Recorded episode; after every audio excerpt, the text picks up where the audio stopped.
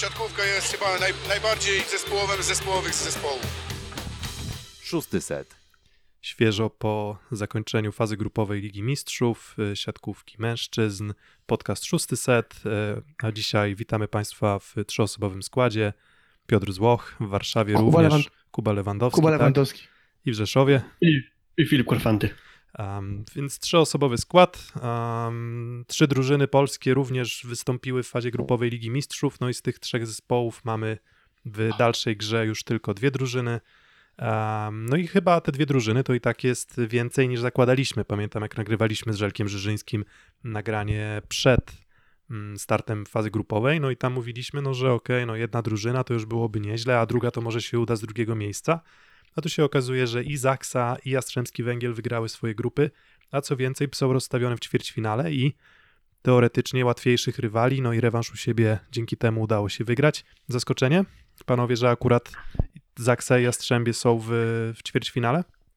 Wiesz co, chyba pamiętam ten materiał z Żelkiem, najmniejsze szanse dawaliśmy Jastrzębiu z tej trójki, no i tutaj, co ciekawe, no oni byli dość szybko pewni, już przed tą kolejką de facto byli pewni awansu, no i z tej grupy, która chyba była najtrudniejsza z tych wszystkich trzech, tak bym można powiedzieć, wychodzą z pierwszego miejsca, co zasługuje na mega szacunek. Z drugiej strony Zaksa, której byliśmy praktycznie pewni, że wyjdzie, wychodzi z bilansem 18-0 i to, co pisałeś na Twitterze, to chyba trzeci przypadek w historii i, i za to też czapki z głów. Tak, e, czwarty chyba nawet, bo tam Zenit dwa razy, ale trzecia drużyna, tak, zgadza się. A propos Zeniu, to właśnie jak się wygrywa z drużyną skazania dwa mecze w fazie grupowej, no to z kim oni by tam mieli przegrać, żeby nie awansować. Także no, szacunek dla Jastrzębskiego Węgla. Zameldowali się z pierwszego miejsca bez żadnego problemu, bez jeszcze, też żadnego problemu Zaksa 18 do 0 bilans setów. To jest Liga Mistrzów, się można zastanawiać, czy, czy Liga czego, ale z kolei Werwa Warszawa, Orlen, Paliwa. Grupa taka, że nie wypadało awansować, a mimo tego się udało. Znaczy nie wypadało nie awansować chyba. Wypadało awansować, no i się nie udało. Niestety, no Warszawa w tym jednym meczu z Benfiką swoje szanse zaprzepaściła, bo w zasadzie gdy przegrała ten mecz wyjazdowy z Benfiką, było już wiadomo, że e, będą mieli maksymalnie przy założeniu dwóch porażek z Perugią bilans w grupie 3 do 3. No i ten bilans 3 do 3 do 3 nie dał nikomu awansu. Żeby wyjść z drugiego miejsca do ćwierćfinału, żeby być w tej czołowej trójce drużyn z miejsc drugich, trzeba było wygrać cztery mecze i dwa przegrać. Do tego właśnie doszło do takiego małego paradoksu, że mniej punktów w tabeli e, Maseik w, w grupie z Jastrzębskim Węglem e, od Zenitu Kazań. No ale cztery zwycięstwa e, Maseiku, tylko trzy zwycięstwa Zenitu, no i te punkty meczowe akurat w Lidze Mistrzów aż takiego znaczenia nie mają. Mm, no to może jeszcze trochę o tej ostatniej kolejce. No Zaksa 3 do 0, po raz kolejny trochę porotował składem Nikola Grbicz, no i ten bilans 18-0 zasługuje na szczególne uznanie właśnie dlatego, że, e, że, że nie obawiał się stawiać na rezerwowych Nikola Grbicz i właśnie tak temat może otwierając też dyskusję na temat samej gry Zaksy, wchodzi na rozegranie stępień, rozgrywa cały mecz, a drużyna atakuje ze skutecznością 71%. No to trochę takie parametry, jakie Zaksa osiąga razem z Toniuttim, a nie ze stępniem. Wydawałoby To się. też pok- tak, to też pokazuje bardzo dużą szerokość tego składu i, i chyba teraz mając każdego de facto zdrowego, bo też trzeba podkreślić to, że wczoraj Łukasz Kaczmarek już wchodził e, w, w, po, w połowie setów na podwójne zmiany i, i dostawał piłki do ataku, czyli widać, że też powoli już prawie wraca do gry. Pokazuje, że teraz ten skład ma chyba nie będę mówił, że plus jest najlepszy, bo tego to się okaże, ale na pewno ma najszerszy skład i yy, myślę, że to będzie procent- procentować na dalszym etapie. No myślę, że E, Slobo, jednej- Slobo Kowacz mógłby się kłócić z taką tezą, bo myślę, że Jastrzębie ma porównywalną szerokość składu, może poza, poza rozegraniem. Może, I przyjęciem, wiesz, chyba. może porównywalną szerokość, ale może niekoniecznie wszyscy jednocześnie są w formie, no bo przecież niedawno Albo zdrowi, bo nie ma linę. w którym Aleksander Śliwka musiał wchodzić na atak, także to, to różnie w Tak. przypadku Zaksy bywa. No akurat miała takich rywali, gdzie w żaden sposób rotacja składem nie odbiła się w- na wynikach, bo, bo wyżej się po prostu wygrywać już nie dało. E, myślę, że to po prostu taka była grupa, gdzie jak najbardziej dawało się takie rez- rezulta- rezultaty wykręcać, a nie przeceniałbym w sumie tych zmienników Kędzie- Kędzierzyna. No właśnie, no to czy, czy, czy, czy według Was, bo może jeszcze, jeszcze tak szybko już zarysujemy pary ćwierćfinałowe, mm, to Zaksa Kędzierzyn-Koźle, e, no nie trafiła na, nie mogła trafić na, na Rozelarę. Było wiadomo, że to będzie trudny rywal, no i oni pojadą do Kemerowa w pierwszym meczu. No i tak, niby 18 do 0, ale pytanie, czy to 18 do 0 według was stawia Zaksę w roli jakiegoś faworyta, no bo Kemerowo w zasadzie jak traciło punkty, to tylko z rywalem na porównywalnym poziomie, czyli z, z, z Fakiełem w grupie, czyli też drużyną z Ligi Rosyjskiej. No to faworytem jest Zaksa, czy nie? Moim zdaniem nie jest faworytem, a z drugiej strony mecz u siebie drugi daje duże szanse i potencjalny e, złoty set, który będzie grany w Kędzierzynie. 18 do 0 dla mnie w tej grupie zupełnie nie jest wymierne, bo to czy ktoś z tej grupy dałby radę w Plus Lidze? Też mam pewne wątpliwości. Z jednej strony Rozare wychodzi z grupy, bo ogrywa pozostałych rywali, bo Wojewodina, no debiutant, grali chyba na maksa Tak, a odnośnie tego losowania, no to wydaje mi się, że i tak Zaksa trafiła względnie gorzej, bo yy, znaczy, mm, tak, moim zdaniem trudniej było i będzie z Kemerowem, aniżeli z Fakiełem, bo do Kemerowa do składu wraca już Wiktor Poletajew po dłuższej kontuzji, z kolei w Fakiele nieobecny jest Kliuka i nie wiadomo jak długo go nie będzie. Oprócz tego jeszcze inne problemy zdrowotne w Fakiele, dlatego sądzę, że i tak z tej dwójki rosyjskiej lepiej było grać w Nowym Uręgoju. Mm, Akurat liczba kilometrów do pokonania nie jest, i w obu przypadkach jest dość znacząca, więc to akurat nie powinno mieć aż takiego znaczenia, no ale. W- Znaczy, w sensie chodziłem, chodziłem bardziej o klasę sportową, tak, tak, a nie tak, kwestię ale tak, wyjazdu. tak, tak, tak, bo ja. Bo nawet jako ciekawostka sobie sprawdziłem dokładnie tyle samo godzin podróży samochodem, pokazuje Google Maps. I no, do nowego Uręgoja i do Kamerowa. Mm, No, to jak y, to, że można powalczyć w Kemerowie, też pokazał w zeszłym sezonie e, AZS Olsztyn, mm, wy, wy- wyciągając tiebreaka, więc to nie jest taki teren, do którego nie wiem, no, na, na który jadąc Zaksa mogłaby, nie wiem, trząść e, portkami, bo też mają swoje argumenty sportowe, natomiast no, wydaje mi się, że raczej, raczej większej e, większej szansy widziałbym Zaksy w rewanżu raczej niż, niż tym meczu na wyjeździe. No ale oczywiście skreślać ich nie skreślamy, drużyna gra bardzo dobrze, jest bardzo dobrze poukładana, no ale jakbym miał wskazywać, no to tam kilka indywidualności, jak Poletajew może, może mm, szale przychylić na rzecz Kemerowa.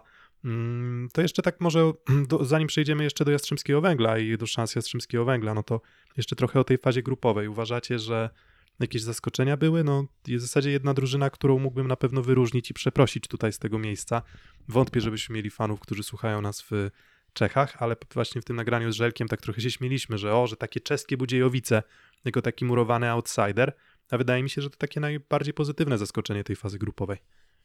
Też chociażby wczoraj no, napędzili stracha e, Trentino, wygrywając dwa pierwsze sety. Na finale nie udało się wygrać, ale tak, bardzo duże pozytywne zaskoczenie. To też pokazuje, mam wrażenie, że delikatnie ten poziom ligi czeskiej wzrasta.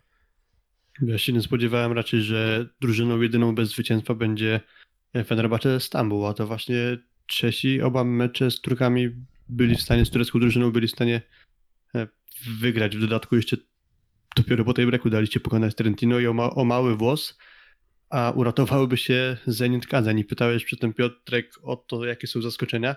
No to pozytywne na pewno postawa czeskiego zespołu, a negatywne, czy takie w kontekście, że ktoś nie awansował, no to są dwa, bo dla mnie pierwsze to jest właśnie Zen- Zenit Kazań, a drugie to Werwa Warszawa. No Właśnie i co o postawie Zenitu Kazań też mówią takie wypowiedzi, w których Budko, wypowie- w których Budko mówi, że no nie wie, czy do końca wszyscy tam na pełnym zaangażowaniu, z pełną motywacją uczestniczą czy w treningach, czy, czy, czy w meczach. Więc no, no ewidentnie, no akurat ta układanka personalna, nawet nie pod, nie pod względem sportowym, a pod kątem mentalnym, no chyba jednak coś tam, coś tam nie, nie, nie, nie zagrało w Zenicie. Fakt faktem, że no oni jeszcze cały czas mogą wygrać e, Mistrzostwo Rosji i Puchar, Puchar Rosji już na ich koncie. No ale to jest akurat taka drużyna z takim potencjałem finansowym, że jak już do tej Ligi Mistrzów trafia, no to na pewno ambicje ma na zwycięstwo. No i Zwłaszcza, że to była 13 edycja z udziałem Zenitu Kazań i dopiero pierwsza zakończona już po fazie grupowej dla rosyjskiego zespołu, więc to sytuacja do tej pory niespotykana. Tak, w innych, w innych grupach wydaje mi się, że bez specjalnych zaskoczeń, czyli no w, czy powiedzmy w inne, inne rezultaty, no bo tak, mówiliśmy, że dwie włoskie w grupie A, no i dwie włoskie faktycznie były. Mówiliśmy, że dwie rosyjskie w grupie B e, wyjdą i prawdopodobnie podzielą się punktami na tyle, że, ben, że, że obie tak naprawdę trafią do ćwierćfinału. I tak również było. No i Werwa Warszawa, no to jeszcze zanim Jastrzębski Węgiel, no to jeszcze Werwa Warszawa, no odpadli, zajmują trzecie miejsce w grupie, no bo na, na, na finiszu wyprzedzili ich Francuzi z Tour. Mm, No i jak myślicie, to trochę, ta, trochę Andrea poddał mm, walkę w Lidze Mistrzów tym swoim manewrem? W sensie, czy to była taka premedytacja, że mm, no, nie zależy mi tak mocno, więc dam pograć zmiennikom w Lizbonie, czy może jednak po prostu liczył, że uda się z klasą sportową zmienników e, ograć mimo wszystko Benfikę i, i zdobyć te trzy punkty, no bo to one zaważyły, jak myślicie? Druga No, opcja, myślę. Druga opcja, mówisz Kuba, tak? Moje zdanie jest takie, że po prostu liczył, że zmiennikami Benfica ogra, a przeliczył się na tym, bo pamiętam jak ten nagraliśmy odcinek przed startem Ligi Mistrzów i tam coś takiego padło, że Perugia w ostatnim spotkaniu może zagrać rezerwowym składem, bo będzie miał już pewny awans. Gdyby Warszawa wygrała ten mecz z Tours ostatni, to być może na innym nastawieniu pojechałaby do Włoch i byłaby może wykorzy- w stanie wykorzystać szansę tego, że w Perudzi na boisko w szóstce wybiegli mm, Żukowski, wybiegli e, Płotnicki? Płotnicki i Robert Techt. Nie było też Marko Podraszczanina, dlatego Perugia wygrała z Warszawą, mimo tego, że rzeczywiście grała na półrezerwowym składem. Tak, i trochę jak spoglądasz na tabelę plus ligi, to wydaje ci się, że e, Warszawa jest absolutnym liderem, no, znaczy no jednym z tej powiedzmy trójki najlepszych drużyn w lidze. W zasadzie wygrywają prawie, że wszystko od deski do deski, no poza, poza może ostatnią kolejką, ale jakoś tak się złożyło, że w sumie w przypadku tego meczu z Turi, w przypadku meczu z Benficą trochę się mówiło o tym, że rywale akurat zagrali mecze no być może na, maksym, na maksa swoich możliwości, No i temu Maxowi Warszawa nie była w stanie sprostać, ale myślę, że mm, biorąc pod uwagę gdzieś ten dość wąski skład, jeszcze kontuzję e, Bartka Kwolka, który już teraz trochę był, nie wiem, mam wrażenie, trochę może za szybko zmuszany do gry po tej kontuzji kostce, bo on ewidentnie też sobie ani, ani w meczu ligowym z Radomiem, przegranym 1 do 3 przez Warszawę, ani w tym meczu z Perugią specjalnie dobrze sobie Kwolek nie radził, więc myślicie, że to jest też trochę czy to jest trochę za szybko, e, za szybkie wprowadzenie po tym, po tym niefortunnym tam zbiegu okoliczności z tym, że trafił w sędziego i podkręcił kostkę, czy, czy, czy, czy, czy to może jest po prostu no, objaw tego, że cała drużyna Warszawy trochę wygląda jakby zaśniedziała.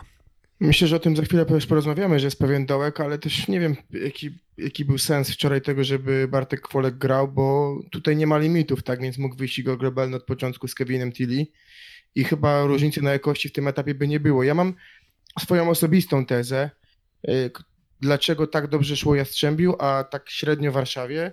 Warszawa to drużyna skrojona pod naszą ligę pod kątem tym, że nasza liga jest jednak tą bardziej taką, bym powiedział, techniczną.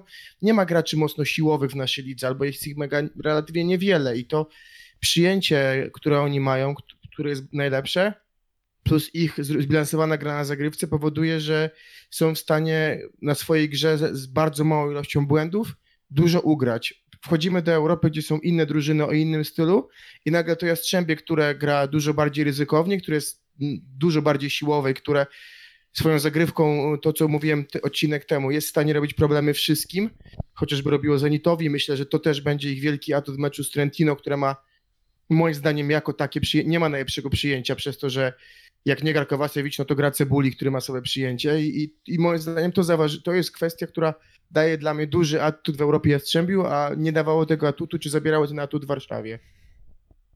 Filip? Mimo, mimo wszystko uważam, że takie zespoły jak Tours i Benfica w Warszawie nie powinni ogrywać, bo w składzie Benfiki próżno szukać siatkarzy, którzy coś sensownego w Europie w ostatnim czasie ugrali, a popatrzmy nawet na aktualnych mistrzów Francji, bo Adam Bartos to jest zawodnik, który kiedyś niespecjalnie wyróżniał się w BBTS-ie Bielsko-Biała.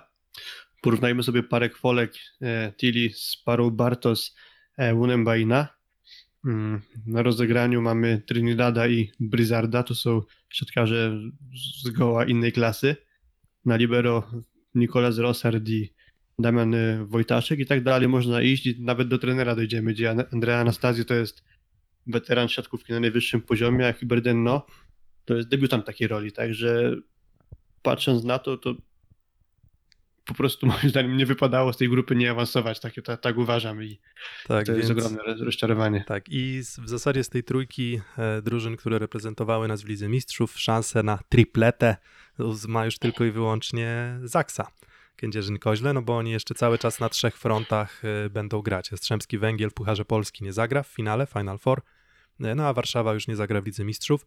No i właśnie, Jastrzębski Węgiel Trentino, wspominałeś Kuba, to jest ta druga polska para e, ćwierćfinałowa Polska. Polska z, z reprezentantem Polski w parze e, w ten, ten, ten sposób e, na to patrząc. Mm, No i właśnie, no gdyby to była Perugia, gdyby to było Lube, no to bym powiedział, że te szanse widzę dość marnie, bo po prostu są to drużyny, które no, mają jakiś tam gwiazdozbiór i są faworytem całej Ligi Mistrzów, a nie nawet tego konkretnego zestawienia, ale z Trentino wydaje mi się, że swoje atuty Jastrzębski Węgiel e, może mieć i wydaje mi się, że jako taki nie wiem, no postawa całego zespołu, to jakoś też Jastrzębski Węgiel wydaje mi się być bardziej kompletną drużyną niż e, Trentino w tym momencie. Aczkolwiek szkoda, bo w ostatnim meczu ligowym Jastrzębia Tomasz Swędrowski powiedział, że prawdopodobnie Julien Linel wypadnie do końca sezonu i to na pewno będzie duża strata Jastrzębia. Ale rzeczywiście zgadzam się z tym, że i tak Jastrzębianie trafili nie najgorzej, biorąc pod uwagę, że tych czołowych zespołów włoskich jest zdecydowanie najwyżej Perugia i Lube. Oprócz tego Modena, której w Lidze Mistrzów nie ma i trochę za tą trójką jest Trentino, więc Tak, więc E, myślę, że Jastrzębianie będą w stanie pokonać Trentino, ale szansę bym tak dawał około 50 na 50. w sumie porównywalny punkt odniesienia. Czwarta drużyna Ligi Polskiej zagra z czwartą drużyną Ligi Włoskiej aktualnie w tabeli. No ja się szykuję na mega smaczki na środku, bo pogłady Wajgras kontra Sreczko. Zobaczymy jak Sreczko wygląda. Znaczy widać to w lidze włoskiej, że chociażby chociaż, widać i w lidze włoskiej to, że trzyma mega wysoki poziom i widać to było też wczoraj, bo Tak, był przecież najpierw całkiem- punktującym, tak jako środkowy. Tak, tam całkiem, całkiem niezły ten wynik, bo tam chyba ile? 21 21? na 26? Jakoś tak. Więc Na pewno szansa mm, Jastrzębia jest w tym, że chociaż okej, oni nie mają Linela, to z kolei w Trentino wciąż ze swoimi problemami zdrowotnymi nie uporał się Urosz Kowacewicz i być może będzie tak, że nawet jeśli zagra, no to nie będzie w swojej pełnej dyspozycji no jeden z kluczowych zawodników Trento. A jednak Cebuli to jest zupełnie inna klasa. No i- tak, a z, w, nawet w tym meczu z Czechami to trener Lorenzetti musiał się e, łapać takiego chwytu, że Cebuli bodajże od trzeciego seta wyszedł na ataku, bo słabo grał w Vettori. Mm, No i właśnie w kontekście tych, tych gdzieś tam też problemów personalnych Trentino na szansę Jastrzębskiego Węgla spoglądam. Dwóch leworęcznych przyjmujących po jednym z każdej drużyny w tym, tym dwumeczu nie zagra. No ale, ale Jastrzębski Węgiel na pewno nie stoi na... Znaczy na Urosz nie- być może zagra, to, to nie tak, Okej. że definitywnie jest wykluczone. no ale, ale na, to powiedzmy na ten moment oceniając stan zasoby kadrowe, to, to, to, to powiedzmy... Pod można- znakiem zapytania. pod znakiem, pod znakiem zapytania. Więc to też trochę pokazuje, jak tam zacząłeś Kuba od tego, że no my tak raczej nie, nie przewidywaliśmy, żeby Jastrzębski Węgiel miał może nie tyle bardzo duże szanse, ale że, że, że raczej nie, nie mówiliśmy, że wyjdzie z grupy. Tyle, że wtedy to jeszcze ten Jastrzębski Węgiel miał ten taki trochę moment, w którym było zwolnienie Roberta Santiliego. No i co by nie mówić, Slobodan Kowacz a wydaje mi się, że też może się mocno skoncentrować i zbudować teraz formę na tę Ligę Mistrzów, z tego względu, że w lidze ja szans Jastrzębia na wyjście czwartej pozycji już raczej nie widzę. Więc kto wie, no może jakiś mikrocykl faktycznie uda się też, e, też zbudować, może kosztem jakichś tam spotkań w, w, w lidze Jastrzębie będzie bardzo dobrze przygotowane, żeby, żeby awansować do półfinału. No i o ten awans do półfinału jeszcze powalczą e, dwie no, włoskie, dwóch włoskich gigantów, tak? E, Lube zagra z Roselare, tak? Jeżeli, jeżeli się nie mylę. Tak jest. Tak, no a Perugia e, też do Rosji wyprawa, podobnie jak Zaksa, oni zagrają z Fakiełem Nowy Urengoj. No i tutaj znowu, no Lubę chyba powinno Knaka z nim zmieść z, z, z, pozycji, z, z pozycji ziemi. Mm, Natomiast y, podobnie, no Perugia może jakieś tam problemy w Nowym Urengoju, myślę, że, że mieć. No ale znowu, rewanż u siebie, y, potęga na skrzydle, myślę, że, że, że obie włoskie drużyny powinny jednak awansować.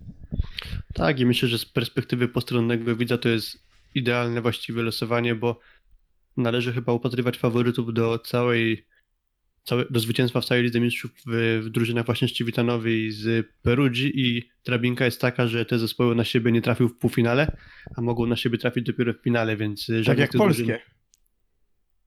No tak, dokładnie tak. Jeśli Zaksa i Jastrzębie awansuje, to w półfinale się nie spotkają, a jest taka szansa, że właśnie zobaczymy finał pomiędzy Kuczyny Lubę czy Witanowa i, mm, i Sirsi Koma Munini Perugia. I w tym kontekście ja trochę żałuję, że e, może nie będzie tego formatu Final Four w, w tym sezonie, bo, bo wtedy na pewno, znaczy na pewno, no, byłaby duża szansa, że czy jakaś tam szansa na, na, na, na dwie polskie drużyny w Final Four.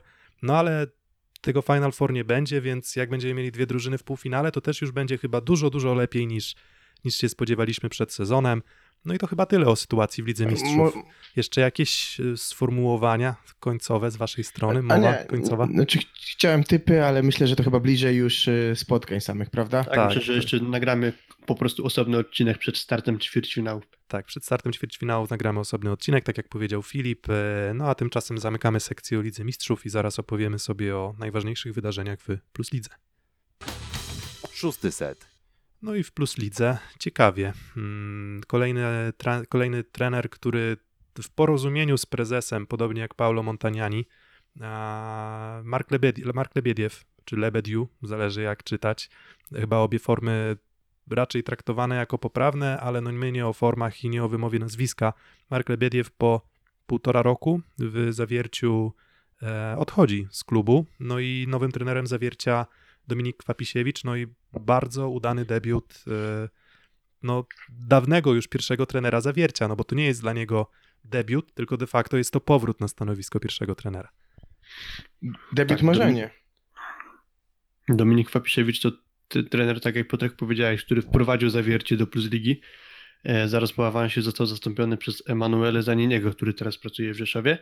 I w swoją drogą to jest fajna historia, że dano szansę trenerowi Papisiewiczowi dalej jakby rozwijać się przy boku bardziej doświadczonego szkoleniowca i teraz będzie miał szansę udowodnić, że jeszcze wzbogacony tym doświadczeniem do swojej roli dobrze pasuje, aczkolwiek moje osobiste zdanie jest takie, że to nie jest dobra sprawa traktowanie trenerów, którzy awansują do Plus Ligi jako tych z automatu gorszych i później zastępowanie ich kimś e, innej klasy, nazwijmy to, no bo tak samo było chociażby w Suwałkach, gdzie trener Mateusz Mielnik został zastąpiony przez Andrzeja Kowala, tak samo było w Katowicach, gdzie Grzegorz Słaby został zas- zastąpiony przez Piotra Gruszkę, także no, akurat Dominik Wapiszewicz to jest pierwszy z tych, którzy z powrotem mogą prowadzić drużynę, która awansowała do Plus Ligi. Tak, utrzymał się jako drugi trener przy Zaninim, utrzymał się jako drugi trener przy Lebediewie, no i też jego cierpliwość się odpłaciła, no bo myślę, że nie wszyscy drudzy trenerzy, ale myślę, że zdecydowana większość na pewno marzy o tym, żeby w tej roli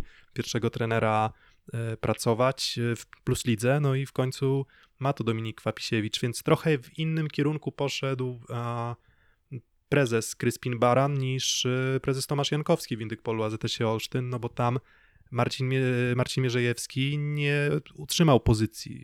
Wrócił na stanowisko drugiego trenera.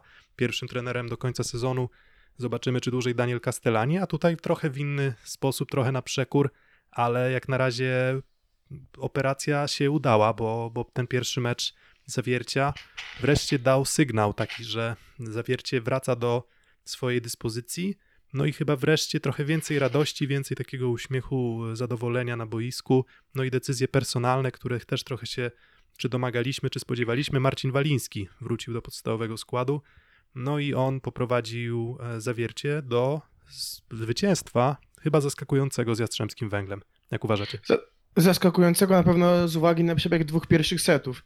Tak jeszcze kończąc tą myśl, jeżeli chodzi o, to, od kogo się miał uczyć Dominik Kwapisiewicz, no to myślę, że te dwa i pół roku bardzo dobrze wykorzystał. Zresztą bardzo fajna wypowiedź po meczu, e, dziękujące jakby Markowi Lebedewowi za wszystko i dedykujące mu tą wygraną, co też pokazuje, że chyba w sztabie wszystko funkcjonowało jak dobrze. No i widać było u Dominika Kwapisiewicza odwagę w tym meczu, to, że chciał, chciał szukał wyszedł taką szóstką myślę, którą myśmy się spodziewali, na którą wielu kibiców zawiercia liczyło, czyli z Ferreirą, z Walińskim, z Lipińskim, z Kogą, z Marcinem Kanią i, i, i gdzieś y, wydawało się, że to jest ta pierwsza szóstka, która powinna grać już wcześniej, ale widząc, że nie idzie, no szukał, szukał, no i znalazł i super wejście Bartoszeka Wojszewskiego. Mega odmieniło moim zdaniem grę na siatce, bo zaczęły być pasywne bloki. No i e, Nikołaj Pęczew, najlepszy jego mecz, prawda? Od momentu, kiedy zaczął grać w składzie, bo wysoka skuteczność, utrzymał przyjęcie i, i gdzieś Piotr Lipiński, który grał też fenomenalny mecz, miał odejście w tych pozostałych trzech setach, w których ewidentnie Zawiercie zdominowało e, Jastrzębie i z każdym setem grało coraz lepiej, bo No w trzecim tak, jeszcze tam- na przewagi, a czwarty, piąty już duża dominacja Zawiercia. Filip wyliczał statystyki Pęczewa, no i tam liczył, że tych, tych ataków ile? Trzy skończone na 30? czy na 20 kilka. W dwóch meczach były chyba trzy piłki skończone na 21 bodajże. Tak, no to teraz y, zdecydowanie te swoje statystyki poprawił, no ale on przede wszystkim zabezpieczył przyjęcie. No i tutaj no trudno nie dostrzec, y, jeżeli mielibyśmy jakieś MVP trenerskie dawać w tej kolejce, to za te zmiany i za te manewry, w których no ustabilizował przyjęcie w parze Waliński-Pęczew, bo i Koga dzięki temu dużo lepiej wyglądał w przyjęciu, to nie był mecz Aleksa Ferreiry, więc też dość szybko zareagował. Wprowadzenie właśnie Lipińskiego, wprowadzenie Gawryszewskiego, no to te wszystkie zmiany są na konto y, Dominika Kwapisiewicza. No mógł powiedzieć, że okej, gramy od początku do końca podstawową siódemką i liczymy na przełamanie. Kilka odważnych zmian i, i wyszło na jego, więc y, no oznacza to, że zawiercie włącza się do walki o playoffy, no bo gdyby tych dwóch punktów zabrakło, niejako bonusowych, trochę niespodziewanych, to, to to zawiercie też już byłoby w sytuacji dość trudnej, a tak to wydaje się, że jeszcze cały czas wszystko w, w ich rękach. Wiesz co, najbardziej chyba mental się zmieni, bo widać było jako taki mega oddech ulgi po meczu, widać było po reakcji i, i prezesa, i, i pracowników klubu, i kibiców, jak bardzo taki wieczór był potrzebny po prostu, żeby dać tą siłę na walkę, a walka będzie ciężka, no bo no nie ma czasu na świętowanie i teraz wyjazd do Suwałki, mecz o przysłowie o 6 punktów. Tak, no tych, wszyscy, wszyscy grają teraz mecze ze wszystkimi o 6 punktów. Trochę tak to wygląda, tak? Może poza tą czołową czwórką, to, to, to, to każdy mecz waży, jest bardzo mocny, bardzo istotny dla układów tabeli. No i właśnie ten mental może być, może czasem nawet ważniejszy niż dyspozycja sportowa, no bo trzeba po prostu mentalnie utrzymać presję, a ta presja będzie coraz większa na w zasadzie każdej drużyny ligi. Tak, ja w ogóle mam wrażenie, że uciekano się jak tylko się dało w zawierciu od zmiany trenera. Zaczęto od wymiany rozgrywających, no ale to niewiele dobrego dało. Właściwie tylko przyniosło kolejne porażki i w końcu już, gdzie nie było miejsca na kroku wstecz, po prostu zdecydowano się podziękować trenerowi Lebediewowi i, i w końcu już nie dało się od tego uciec. Ale na szczęście w końcu któraś ta decyzja wyszła na dobre. Przynajmniej tak sądzimy po pierwszym meczu. Tak, jeszcze dodając jedną rzecz, ja chcę powiedzieć, że też miałem taką podobną myśl, no bo zobaczcie, ostatnia wygrana zawiercia to była pierwsza kolejka po przerwie na eliminację, prawda? I też to był mecz, przed którym cały czas z drużyną był Dominik Kwapisiewicz, tak? Chyba trener Lebede wrócił, nie wiem, dzień czy dwa przed meczem, więc to też mogło być jakimś tam sygnałem, że drużyna się czuje w tej chwili lepiej już pod wodzą e, właśnie Dominika. No, być może. No, trudno powiedzieć, jakie były przyczyny akurat takiego stanu rzeczy, że ta gra wyglądała dużo lepiej. Być może wiecie, no, inna sprawa jest taka, że jakby się skończyło 0 do 3, to też myślę, że mógłby to być dość sprawiedliwy wynik i wtedy w ogóle nie mielibyśmy tego całego naszego małego panelu dyskusyjnego dzisiaj na temat Dominika Kwapisiewicza, a bo Jastrzębie dominowało ten mecz, jakby niezależnie od wszystkiego. No i pytanie, czy to jest po prostu taka jaskółeczka, bo ja też jeszcze na jedną rzecz zwróciłbym uwagę. Jastrzębski Węgiel przestał zagrywać tak dobrze. Tym, czym trochę pomógł. Oczywiście, no pytanie, czy to oni przestali zagrywać, czy zawiercie zaczęło lepiej przyjmować. To jest zawsze, zawsze trochę taki, taki dylemat, y, który jest trochę nierozwiązywalny, ale Jastrzębie jak w pierwszych dwóch setach w zasadzie rozstawiało sobie po kątach zawiercie, tak, tak, tak od, od trzeciego seta już ta, wa- ta sytuacja na zagrywce była już dużo bardziej, dużo bardziej wyrównana. Mm, No i to na pewno zawierciu też pomogło. No i to może też tak trochę jest, że znowu wracamy do tego, że no jak masz przyjęcie, to możesz być Piotrem Lipińskim i chwalimy go za grę środkiem, ale to tylko dlatego, że po prostu to przyjęcie się pojawiło, wcześniej go nie było. No i myślę, że Jastrzębie trochę spasowało na zagrywce. No ale tak czy inaczej duży sukces zawiercia, duży sukces e, Dominika Kwapisiewicza w debiucie, nie debiucie. E, No i to chyba tyle o sytuacji w zawierciu, a za chwilę dalej o Plus Lidze. Szósty set. No i jaki temat teraz wybieramy do dyskusji? E, Hit w Bełchatowie może? Bełchatów Zaksa? Skoro już zacząłeś, to myślę, że musimy ten temat Możemy, możemy, zacząć od, możemy zacząć od innego, ale, ale myślę, że, że, że nie, nie sposób nie opowiedzieć o tym meczu. E, 3 do 2 wygrywa PGS Kra Bełchatów. Prowadzili, prowadzili już 2 do 0 i chyba też nawet piłki meczowe w trzecim secie. A, ale no, obróci, obróciła mecz na swoją korzyść, przynajmniej doprowadzając do tiebreaku Zaksa. W tiebreaku już jednak Kuba Kochanowski serią na zagrywce trochę ten mecz Zaksie wygrał, e, ale no, zadowoleni z poziomu? Uważacie, że, że to był bardzo dobry mecz? No bo chyba tak. co musi budzić szacunek na pewno, to jest kolejny raz y, postawa zawodników z polskim paszportem, znaczy ogólnie nawet nie z paszportem, Polaków, no, to w tej lidze jest piękne, że to są główne postacie, no bo tak, mamy sytuację, w której, okej, nie było Artura Szalpuka, Abadipur z Katiciem zaczęli ten mecz bardzo dobrze i też Zaksa w dwóch setach pierwszych praktycznie w ogóle nie istniała, tak? Ale potem znany już od trenera Gardiniego Manner wchodzi Aleksander Siwka na atak i Skra jest w stanie go w ogóle zablokować, tak? Tam Mieszko Gowal brał czasy, mówił, że stajemy w pierwszej strefie, nie ruszamy się, ale no nie udawało się, dopiero tam e, w tej breaku blok i dwa błędy Olka Śliwki, a wcześniej mecz perfekcyjny na ataku. Natomiast no, głównym bohaterem i tak był Kuba Kochanowski, forma niesamowita w ostatnim czasie, no i liczby, nie chcę powiedzieć brzydko, ale tak chore bym powiedział, wręcz no, niesamowite. No. 13 na 16, e, tylko raz zablokowany i najwię, najwięcej zagrywek, trzy bloki, szapoba, no to jest y, poziom najlepszych. Simona, Tak, to jest, e, to, jest, to jest najlepszy Kuba Kochanowski, jakiego ja widziałem. A w Olsztynie już miał bardzo dobre momenty, ale na taki poziom, no w zasadzie jeszcze nie wszedł, a znaczy do tej pory. A, a teraz. też myślę, że konkurencja pomaga, prawda? To, że jest tych trzech i oni myślę, że nawzajem się napędzają po prostu. No tak, zdecydowanie.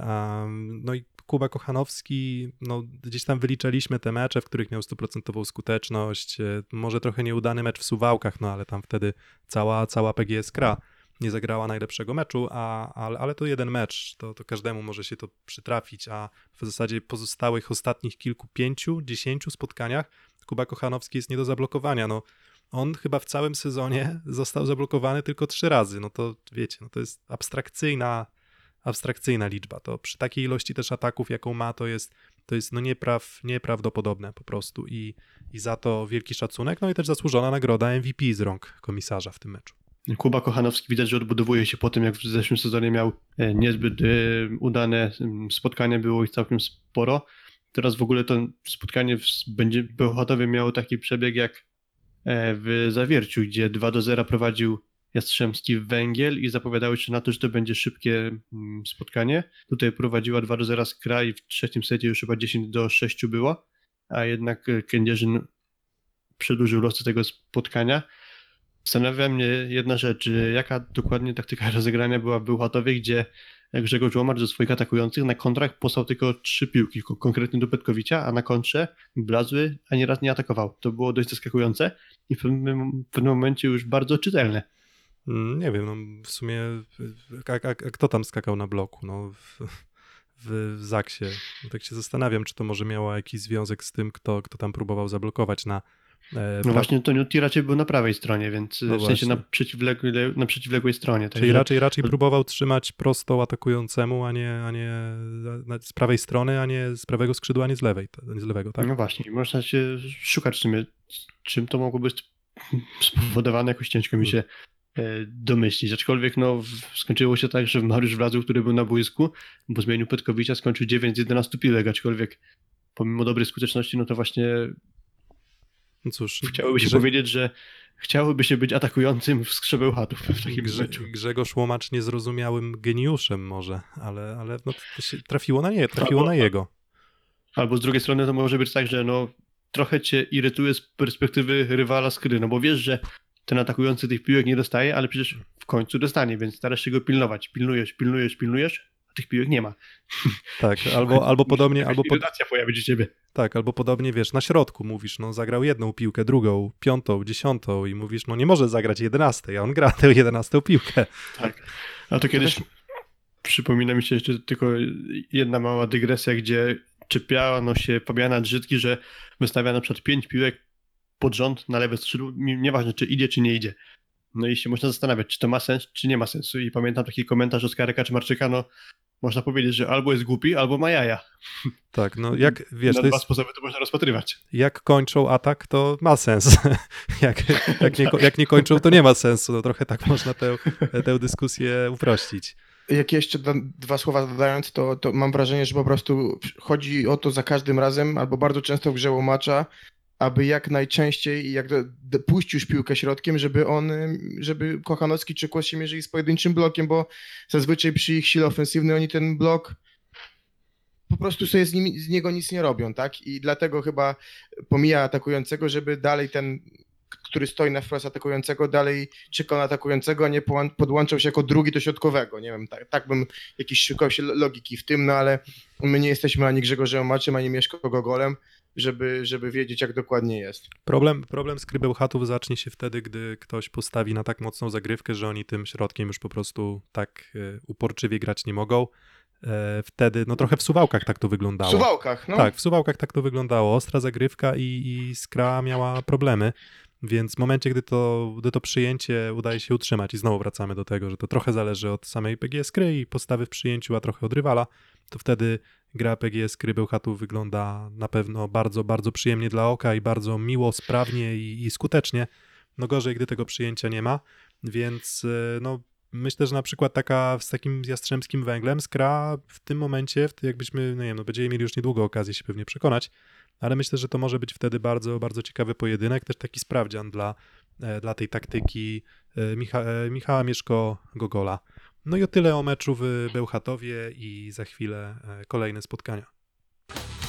Szósty set. No to chyba nie sposób nie wspomnieć też o meczu w Radomiu. Mm, Cerrat Enea Czarni Radom 3 do 1 pokonują w derbach Mazowsza Werwę Warszawa Orlen Paliwa. Mm, No i to bardzo zaskakujący rezultat, no ale jakieś tam symptomy lepszej gry Radom pokazał z Rzeszowem. Teraz wygrali z Warszawą, no i nagle z takiej sytuacji, w której byli gdzieś tam już w okolicach 12-13 miejsca, znowu wrócili z przytupem do walki o playoffy.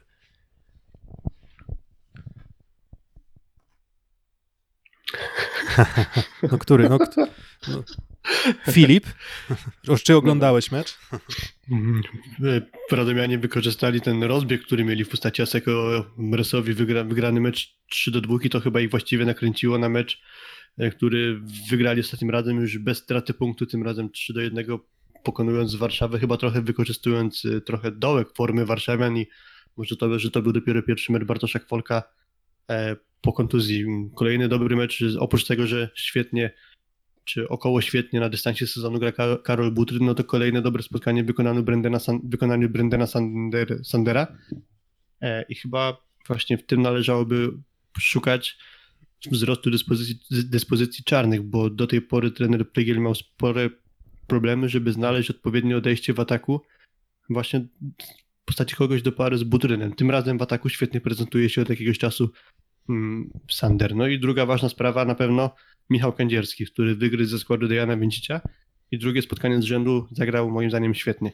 Mm, Właśnie mi to trochę pasuje, e, pasuje do siebie akurat też charakterystyka Kędzierskiego, no i sam Butryn, no bo Kędzierski wydaje mi się, że najlepiej gra do prawego skrzydła.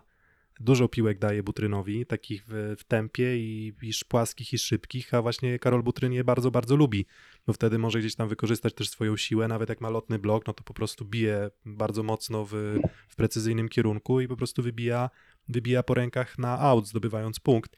E, No i właśnie to, to, że Kędzierski dobrze podaje piłkę na prawe skrzydło, na pewno, na pewno Butrynowi też sprzyja, no i on uważam, że od kilku spotkań jest no, jedną z najlepszych, jednym z najlepszych atakujących ligi też. A że, a że trochę konkurencja mu zgasła, no to, no to, no to, to jest inna rzecz. Michał To- Kędzierski bardzo dobrze wyglądał w Sorze w zeszłym sezonie i tam właśnie miał taki zespół, gdzie kluczem była gra do prawego skrzydła. Bardzo dużo piłek posyłał do Duszana Petkowicza, z kolei słabiej to wyglądało w ataku na lewym. Teraz może być e, sytuacja w czarnych jakby kopią tego, co działo się w Sorze i to jakby widać, że takie warunki świetnie mu służą. No właśnie chciałem, e, pięknie powiedziałeś Filip dokładnie to, co chciałem powiedzieć, że gdzieś się przyzwyczaił do, do, do tego, żeby tak dużo grać na prawe skrzydło przez Petkowicza w Sorze.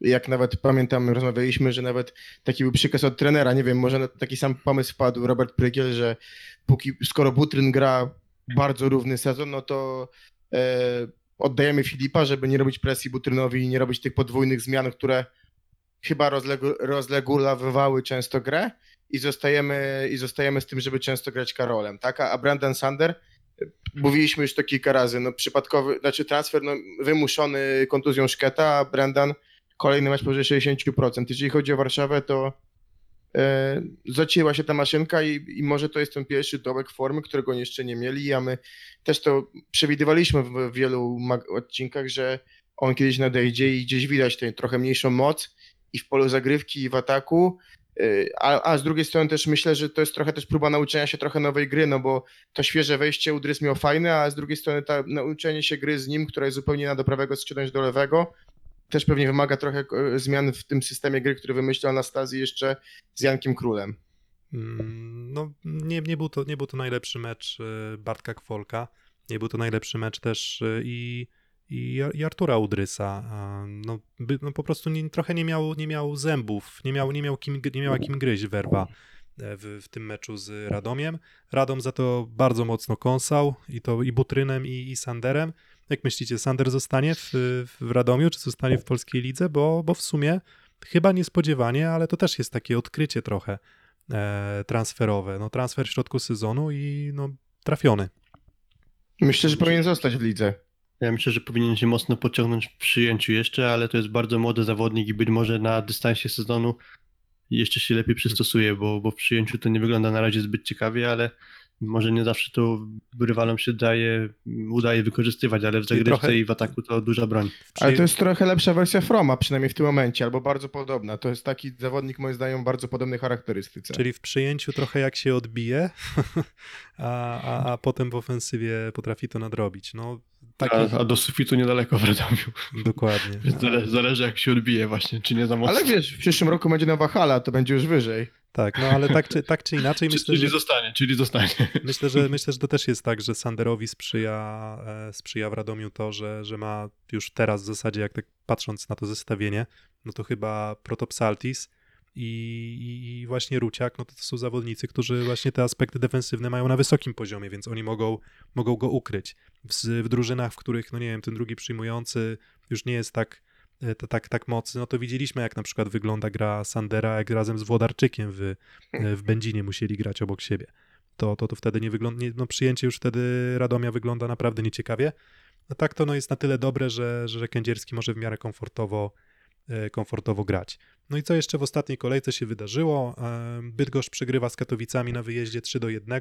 Katowice coraz bliżej już tak powiedzmy playoffów, jeżeli można tak to nazwać. 28, już 28, już nie 31. 28, już 31 punktów, więc w zasadzie bardzo mało, bardzo mało prawdopodobne jest to, że ktoś z miejsc 9, 13 byłby w stanie wygryźć jeszcze GKS Katowice, no bo tam już 8 punktów przewagi nad Aluronem Virtus EMC, który jest na miejscu 9. Więc wydaje się, że Katowice już prawie, że już jednym, jedną stopą e, w, w playoffach. Mm, Co jeszcze dalej się wydarzyło? Aseko Resowia Rzeszów z MKS-em Będzin. No jak się oglądało mecz, Filip? Y, Punkt, wreszcie punkty Resowi. Punkt. Jeden punkt Resowi, ale Punkt, dokładnie. trochę nadziei się pojawiło w takim sensie, że gra Resowi w ogóle wyglądała trochę lepiej niż w tych wszystkich wielu wcześniejszych meczach. I obstawiam tak, że gdyby nie genialny występ Faryny w czwartym secie, to Resowia by to spotkanie mogła wygrać 3 do 1, ale, ale zwyżka dyspozycji na bardzo wysoki level, poziom Faryny właśnie w tym czwartym secie to uniemożliwiła. Ale mimo nawet tej porażki kolejnej, to jakaś tam mała nadzieja w serca fanów rzeszowskiego zespołu mogła zostać e, wlana wtedy. Tak, Tylko, może- że z kolei, bo to jest tak, że nawet jeśli Resowia będzie grała dobrze, to ma teraz taki kalendarz, że nawet jeśli będzie przegrywać, to może się okazać, że trudno będzie mieć do niej pretensje, bo te mecze, które Resowia musiała wygrywać, już po prostu minęły, a teraz jeśli będzie punktować, to tylko jako coś super ekstra. Tak, pięć porażek na liczniku, Maseko Rysowi, ostatnie pięć spotkań, właśnie pięć porażek. Tych porażek może być więcej z rzędu, no ale to, to są drużyny, które w tym sezonie radzą sobie jeszcze gorzej. Indyk Pola ZS Olsztyn już na miejscu 13 w tabeli, a porażka ze Ślepskiem Suwałki, no i Ślepsk znowu też jakby Czarni, Ślepsk, GKS Katowice i Tref Gdańsk, takie cztery drużyny, które mają jakąś tam przewagę sytuacyjną tu i teraz. E, 25 punktów Ślepska, 25 punktów Czarnych, E, to też już jest jakaś tam mała zaliczka. I znowu Olsztyn też wygląda już lepiej, też wydawało się, że już, e, już, już jest bliżej tej swojej optymalnej gry. No ale niestety nie wystarczyło. E, Dwa sety, jeden set na przewagi, przegrany do 32, kolej, jeden- kolejny do 23. Ten mecz można było wygrać, no ale, ale Suwałki też pokazały, że nie bez powodu są w tym momencie wyżej w tabeli od Olsztyna. No. I wydaje mi się, że to jest podobna sytuacja jak w przypadku Aseko Resowi Rzeszów. No, Olsztyn terminarz mam niby nieco lepszy, chociaż nieznacznie, ale wydaje mi się, że i, i Resowia, i Olsztyn już praktycznie nie mają szans na playoffy. Bardzo, bardzo, bardzo, bardzo czarno tu widzę. Bardzo niewiele na to wskazuje rzeczywiście. I ja powiem tak, że to widać było na mecz, w meczu w Olsztynie, jak dużo daje pewność, bo, bo ta pewność się najbardziej, o, moim zdaniem, pojawia, jak grasz y, na przewagę, czy na przewagi, no to widać po drużynie, która jest pewniejsza siebie, mając na uwadze ostatnie mecze, yy, po prostu ta ręka ci tak nie drży i, i dlatego te dw- dwa, może bardzo mocno żałować drużyna z Olsztyna, bo, bo ja bym powiedział szczerze, że chyba miała nawet przewagę sytuacyjną w tym meczu i, i, i dopiero w czwartym secie tak mocno siedli, a tak naprawdę mogliby wygrać pewnie, gdyby byli, w, że tak powiem, w, na, na wyższej fali wznoszącej ostatnie mecze wygrali, to pewnie grając podobny mecz mogliby ten mecz wygrać 3 do 0, a tak gdzieś w końcówce trochę brakowało zdecydowania, brakowało tej pewności siebie i to Suwałki skrzętnie wykorzystały. No i właśnie Suwałki w zasadzie od początku sezonu grają bardzo równo. Mm, Rzadko kiedy mogłem powiedzieć, że Ślepsk akurat zagrał jakiś mecz, który był naprawdę na, na bardzo niskim poziomie, no i ten ich poziom wystarcza na to, żeby regularnie w miarę punktować i być już bardzo blisko e, playoffów. No i co w następnej kolejce, zaczynającej się już od jutra. E, MKS Będzin, GKS Katowice, mecz, który może, mecz powinien być wyrównany. E, Kuprum Lubin z Olsztynem też wyrównany, Warszawa z Bełchatowem, Kędzierzyn z Rysowią raczej nie, Filip, przepraszam. Jastrzębski, jest, Jastrzębski Węgiel... Taka jest ta, tak wygląda tabela, no nie ma nic zaskakującego w tym, co powiedziałeś. Dokładnie. Jastrzębski Węgiel, Czarni Radom, Ślepsk Suwałki, Aluron Virtus EMC, no i Bydgoszcz u siebie z Treflem Gdańsk. Jeszcze wspominając o właśnie o Bydgoszczy. Bydgoszcz 20 spotkań, 11 punktów. Do Olsztyna straty punktów 9. Musieliby w ostatnich sześciu swoich spotkaniach zdobyć punktów no więcej od Olsztyna. Olsztyn nie zdobywa ich ostatnio w ogóle, więc można przyjąć, że, że te 10-11 punktów mogłoby Bydgoszczy dać jakąś szansę, ale obawiam się, że, że, że będzie to bardzo, bardzo trudne. Pytanie, jak uda im się to, jak uda im się gonitwa w tym meczu z Gdańskiem. Tak, teraz Bydgoszcz właśnie zagrał siebie z Gdańskiem, a w kolejnej kolejce bezpośredni mecz z Olsztynem, więc jeśli zaraz Bydgoszcz przegra z Gdańskiem, to Olsztyn jako ta drużyna przedostatnia w tabeli, to może już tak tu Bydgoszcz po prostu ten gwóźdź młotkiem dobić. Mm, Co prawda ten młotek takim słaby jest dość słaby teraz i A propos młotków, to właśnie Jan Hadrawa się pojawił na boisku, także no, Tak. pewnie jakaś nadzieja dla Olsztynian. tęsk, tęskniłem. Tęskniłem, no i, no i widać było, widać było, że lepiej gra Olsztyn, ale to jeszcze nie był ten Hadrawa. Tak myślę przynajmniej. Stać, Ale pytałeś w poprzednim odcinku, co zrobi Castellani i poszedł w bank. E, Żaliński od początku z Hadrawą. E, no ale przez to, czy, czy to wyglądało tak dobrze jak przed kontuzją Hadrawy? Chyba nie. No, nie wiem, no fakt, że Hadrawa akurat przed samą kontuzją też jakoś specjalnie, specjalnie się nie prezentował, no ale jeżeli ma być jakaś nadzieja na zdobycie punktów, nie wiem, z Kuprum Lubin na przykład w kolejnym meczu, to, to Hadrawa musi być i lepszy, i lepszy. E, No a Wojtek Żaliński wrócił na przyjęcie z kolei i też tam jakiegoś szału, szału też nie było, ani nie było za bardzo, za bardzo jakiejś tam wysokiej skuteczności w ataku, ani nie było jakiegoś bardzo dobrego przyjęcia, więc, więc no kto wie, czy, czy, czy, czy, czy akurat. No ale on, on musi grać, on musi grać, no i zobaczymy. Może jeszcze Castellani będzie w stanie to ruszyć na tyle, żeby chociaż trochę radości dać kibicom Olsztyna, bo, bo, bo ja już na awans y, do playoffów raczej nie liczę. Mm, No i jak myślicie, może to o trochę o hicie jeszcze kolejki. Werwa, Warszawa, PGS Bełchatów. Bełchatów wydaje się być w lepszej formie, jak wspomnieliśmy, Werwa trochę w dołku. No i kto faworytem? No niby mecz y, na Torwarze, e, ale, ale, ale no jak myślicie? Jakie, jakie wasze zdanie? Wyraźnym faworytem jest Skra. Y, Nie, nie mieli, pod, nie mieli e, podróży do Włoch w tygodniu. Wiadomo, no, Włochy nie są daleko, Perugia jest na północy Włoch. E, To nie jest daleka podróż, ale mimo wszystko y, brak pucharów pomaga w, w treningu, treningu, który mega widać chociaż po Kubie Kochanowskim pomaga. Wyraźny dla mnie faworyt jest e, Skra i, i, nie boję się powiedzieć, że moim zdaniem Skra wygra za trzy punkty. Aczkolwiek w sumie ważna sprawa, bo w drużynie Bełchatowen nie wiadomo, czy zagra Artur Szalpuk. Właściwie należałoby oczekiw- oczekiwać, czy spodziewać się, że jego nie będzie i nie będzie go jeszcze przez jakiś czas, chociaż nie znamy szczegółów jego kontuzji.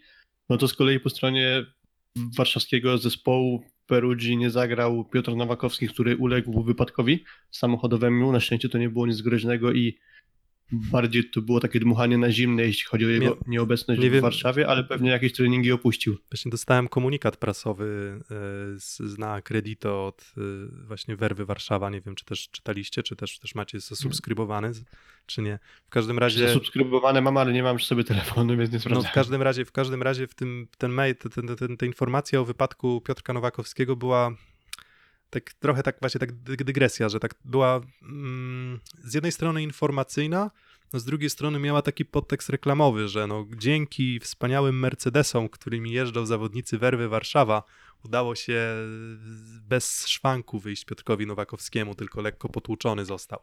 A, więc Przypomniał, też- nie wiem, przypomniał nie, mi się... No, No. Kuba? Też Piotr Gacek nawet też podkreślał na swojej wypowiedzi, że to była dość mocna kolizja, że, że całe auto uległo zniszczeniu, ale Piotr wyszedł bez szwanku, także brawo, Na dla, szczęście- brawo dla partnera technicznego. tak, Tak, na, do, na całe szczęście Piotr Nowakowski wyszedł bez szwanku, ale mimo tego przypomniał mi się pewien, nazwijmy to żart, że jak ktoś tam mówi, że no wiecie co, ostatnio wpadłem pod samochód, to na szczęście port zaparkowany. Także czekaj, no, to a, propos, to a propos właśnie wytrzymałości Mercedesów na, czekaj, na kurczę, takie czy, sztuczki. Już nie wiem, już nie puszczę jingla chyba badumc, bo musiałbym teraz go szybko znaleźć, ale no w każdym razie, no mówię, nie wiem, czy mieszanie e, wypadku samochodowego w, i takiej reklamy sponsora technicznego mi akurat bardzo odpowiadało, no ale najważniejsze, że Piotrkowi Nowakowskiemu nic się nie stało. A myślę, że no, w naszej historii, w historii siatkówki środkowych, którzy ucierpieli w wypadku samochodowym, to już mieliśmy już wystarczy. Mm, Dokładnie. a Werwa Warszawa, jeszcze tak a propos tego meczu, e, kursy bukmacherów, tak patrzę na, na Fortunę. 1,77 na Werwę, 1,96 na Skrę, czyli w zasadzie bukmacherzy mówią pół na pół szansa, gdzie zwyczajowo jednak e, gospodarz przy drużynach na porównywalnym poziomie jednak jest, no ten kurs ma e, mniej korzystny, więc wydaje mi się, że to dość racjonalna ocena, tak, że, że, że mecz może być na, na żyletki, ja też raczej widzę PGS Krebełchatów w roli faworyta, ale z drugiej strony, no, Warszawa też ma swoje atuty. No, Warszawa ma bardzo dobry blok. Zobaczymy, jak sobie z tym blokiem e, poradzi PGS Grabełchatów. Um, I co jeszcze w tej kolejce? No to jak, jaki drugi najciekawszy mecz według Was? Jastrzębski Węgiel z Czarnymi?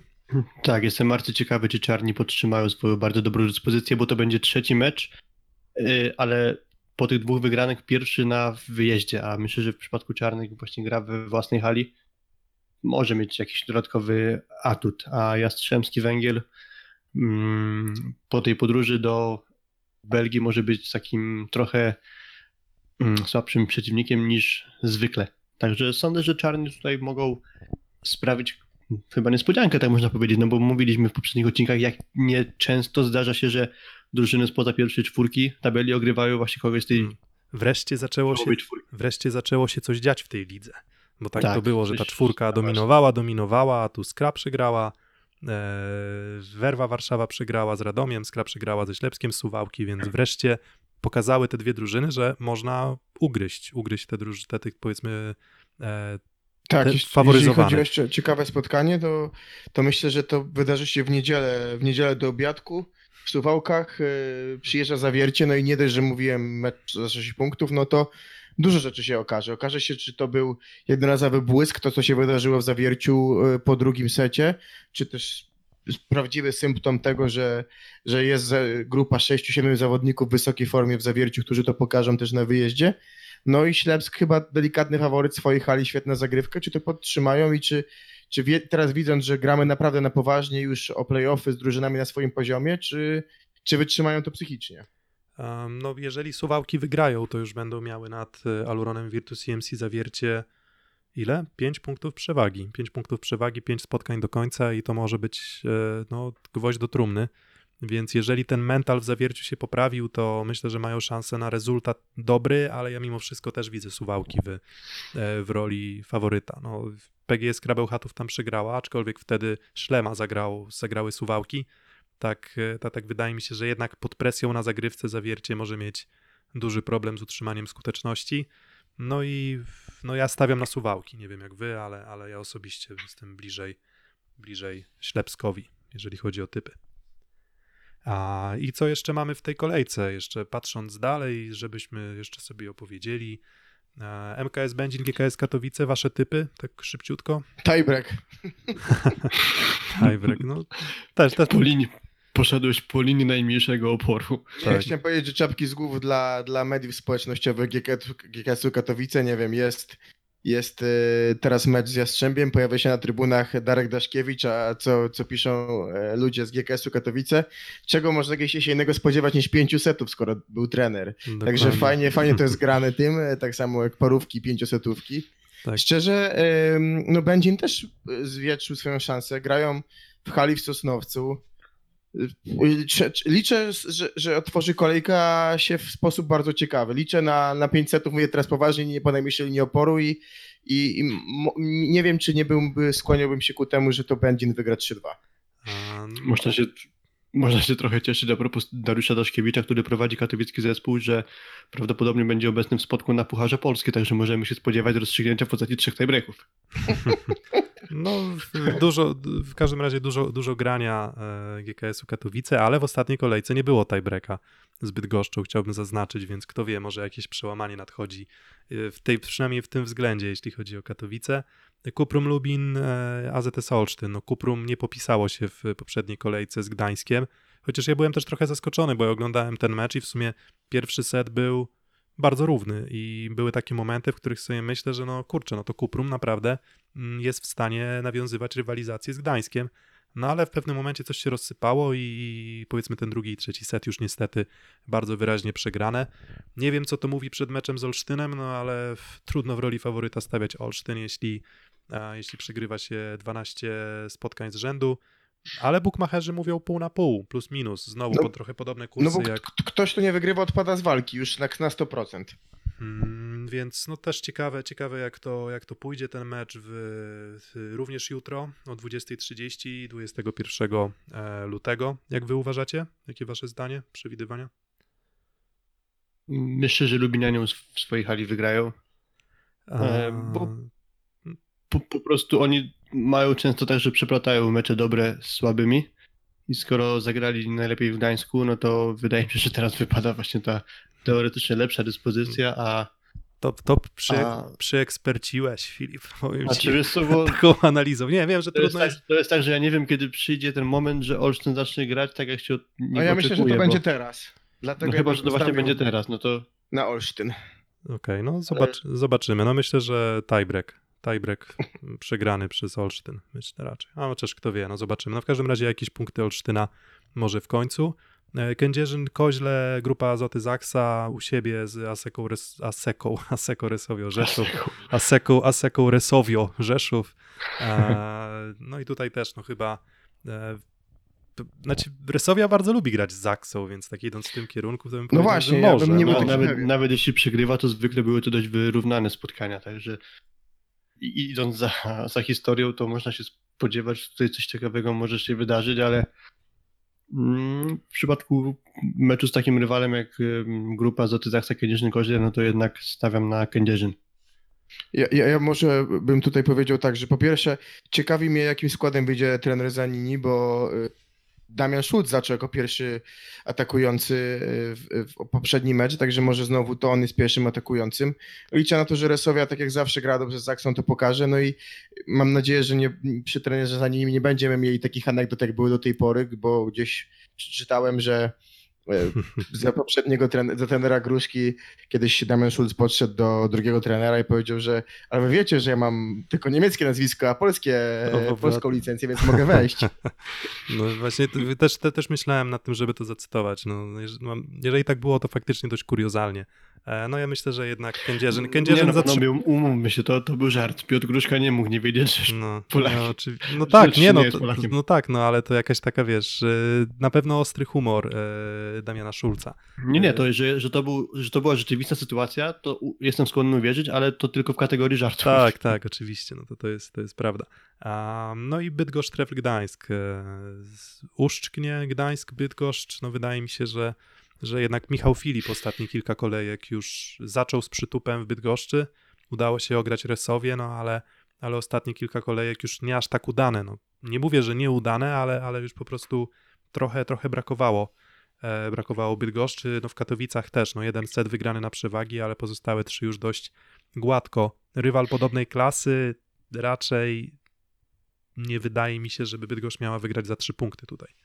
A Michał Filip grał w Gdańsku? Chyba nie, także e, mo, może brakować tego, co było z Rysowią. Myślę, że Gdańsk też musi jeszcze trochę punktów zdobyć, żeby mieć pewny playoff, bo tak chwalimy ich grę, a tak naprawdę jeszcze nie ma tego, moim zdaniem, wystarczającej liczby punktów. Gdzieś 35 pewnie będzie takim pewnym, e, taką granicą, więc myślę, że taki, taki mecz e, Gdańsk koniecznie musi wygrać. Mhm. Michał Filip zaliczył pierwszy do, dobry mecz y, właśnie w barwach Bydgoszczy, później było już tylko gorzej i tu wrócę do jednego wywiadu, którego po tamtym meczu udzielił Wojciech Serapin, że Aseko Resowia przez te zmiany w Bydgoszczy w postaci przyjścia Masnego i Michała Filipa nie za bardzo była w stanie ich rozpisać. I tutaj wezmę w obronę Serafina, no bo rzeczywiście moim zdaniem tak jest, że jeżeli przychodzi nowy atakujący, nowy rozgrywający, to ciężko przewidzieć, w jakich sytuacjach ten rozgrywający jest w stanie co zagrać do danego zawodnika, bo jeśli obejrzysz jakiś jed- jeden mecz, jak ten zespół w takim zestawieniu personalnym funkcjonuje, no to możesz założyć, że ok, w takiej sytuacji kontra nie pójdzie do tego zawodnika, z takiej sytuacji można odpuszczać środek Mhm. i tak dalej, i tak dalej. No cóż, no Jeśli i, dołączymy Masnego do kompletnie nowego kompletu zawodników, no to rzeczywiście ja się zgadzam z tym, co powiedział Serafin. Trudno było się taktycznie i pod kątem rozpisania tego rywala przygotować, więc tu wezmę w obronę Serafina. tak, no ja też, ja też się z tym zgadzam. E, No, Im więcej danych historycznych, tym łatwiej wyciągnąć wnioski, tak? No, dopóki tych danych historycznych nie masz, to wniosków wyciągać no nie możesz. E, Mich- można było jedynie przewidywać, że Michał Masny no, lubi grać to, kto konkre- lubi wybierać to, to konkretne rozwiązanie i lepiej na przykład czuje się w jakimś konkretnej grze, ale on w sumie wszystko potrafi A- zagrać, więc... Tak, więc... nie, ale nie wszystkie wystawy puścić do, do każdego zawodnika po prostu I, i to jest moim zdaniem istotne i miało znaczenie w tym meczu. Bo okej, na pewno można się przygotować w taki sposób, że Michał Filip, nie wiem, z drugiej linii zawsze atakuje do skosu albo coś w tym stylu, albo że na trzecim ponawianiu kontry nigdy nie atakuje po prostu. To tego typu rzeczy rzeczywiście dało się przewidzieć, ale na przykład to, że on z wystawy z pola na przykład nie dostaje piłek na kontrze, od Masnego, a od innego rozgrywającego może dostaje, bo inny rozgrywający nie potrafi zrobić przerzutu, no to już nie za bardzo takie sytuacje da się po prostu przewidzieć i, i, i mogło to zaskoczyć Rysowie. No i Gdańsk dość zdecydowanym faworytem według bookmacherów e, 1,3 30 groszy za każdą złotówkę postawioną można wygrać. Jak się postawi na Gdańsk w tym meczu, więc bookmacherom płacą za ocenę potencjału, za, za, za ocenę szans i oni, oni na tym zarabiają, więc muszą się na tym dobrze znać, więc myślę, że ich typy zawsze jakąś tam wskazówką są. No i chyba skończymy na dzisiaj. Em, opowiedzieliśmy trochę o Lidze Mistrzów, opowiedzieliśmy o wydarzeniach w Plus Lidze. Wi- Widzieliśmy, że dobrze przyjęliście naszą grafikę z siódemką kolejki. Raczej wypchniemy to z odcinka z uwagi na to, że no, jednak jest to coś, co wypadałoby od razu obgrywać, od razu po kolejce, bardzo szybko to umieszczać. U nas czasem, zanim to nagranie uda się sklecić, zebrać w całej, w całej okazałości w trójkę, no to niestety chwilę, chwilę musi to potrwać, kilka dni musi nam to zająć, no i wtedy po prostu z lekkim opóźnieniem te siódemki się pojawiają, a tak tu widzieliśmy, że się podobało, więc myślę, że będziemy to kontynuować w ten sposób. E, A tymczasem za uwagę dziękuję w tym odcinku Piotr Złoch. Kuba Lewandowski. I Filip Korfanty. Dzięki.